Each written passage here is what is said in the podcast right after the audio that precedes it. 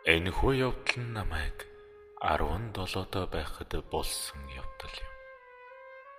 Би одоо 57 настай. Энэ болсон жигтэй зүйлийг та нартаа сонирдуулчаад Тэнгэрийн орн руугаа мордно. Баг байхад эцэг их маань зам болгон хөдөө явуулдаг байв.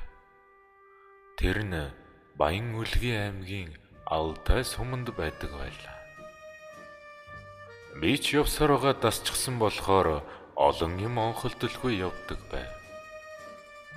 Ингээд би хайн замдаа мордлоо.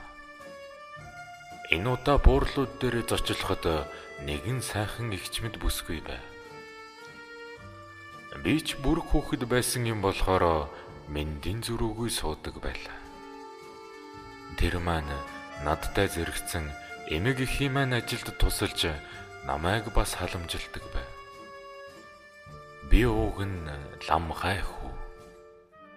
Эмэгтэй хүнийг дарь их лугай адил шүтэж эрх хэм иргэн лугай адил өрөөдөг байв. Ингэж явсаар 7 хоног хэртэ өнгөрөв. Бид хоёр тэр нэгэн үдшийн бүрийн хүртэл ганц ч үг ган хийсэнгүй. Нэгэн өдөр арга хушуудын зартаа ирж Аданба залуу баруун салааны гизэг үжинтэй суухаар болж дэнж хототол наадаж дээл задартал цайлав. Энэ л шөнө бүх юм болсон юм. Дайн дажин лугаа адил цэлгэр сайхан хорон маань өндөрлөж нийт олноороо гэрийн зүг мордоцгоо. Ууж дийлэхгүй арчаагүй царайлсан шалан дээр унтаж ухаан мэдрэл уран цэцэн үхтэй нь орон дээр залрав.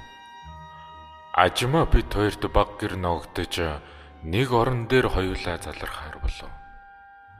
Ажимаа руу ганц нэг сэрэл бүхий харц шитгэхэд ажимаа дургуйцсан шинжгүй дончтой харав.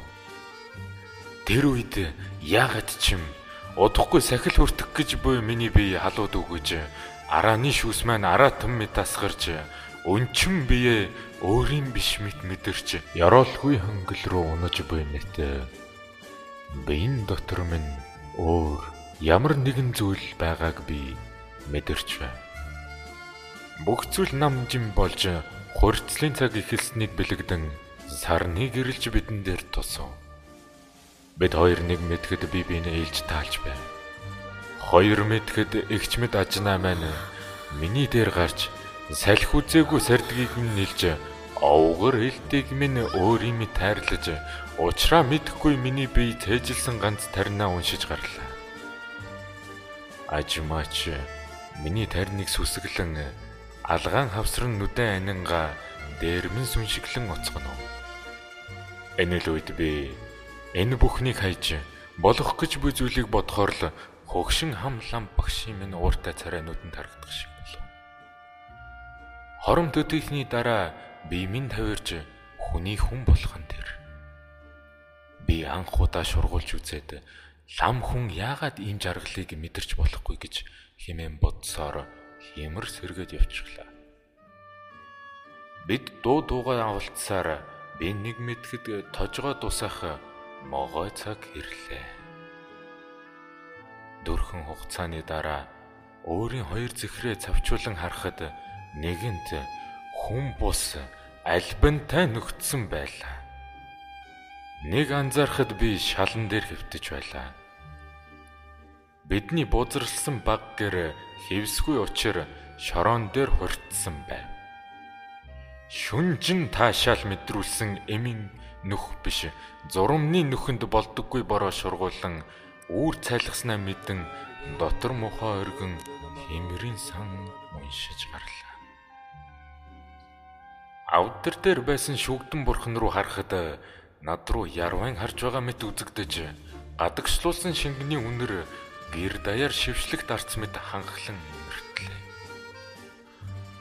Энэ бүх зүйл өнгөрч цаг хугацаа урсахын аясаар оюунт бодол минь дороотож ухаант үйлдэл минь завсардан үлдсэн насаа ёроолгүй маангуудын дунд нөхцөх боллоо. шар хаданд хөвтсөн анхны лам хүн боллоо хэмээгээд би энэ овгортоо л хамблам нь болов. Энэ цаг хүртэл би олон ном судар уншин зэжилсэн чи тэр нэгэн чөтгөртөө хурцж байхдаа чөтгөрт уншин ч өгсөн хиймрийн сан минь л одоо хүртэл зүрхэнд минь хадагдан зүүдэнд минь уягдан бодлын минь хязгаарт оршиж болдоггүй бор боомонд минь дөрөө мөн хөлс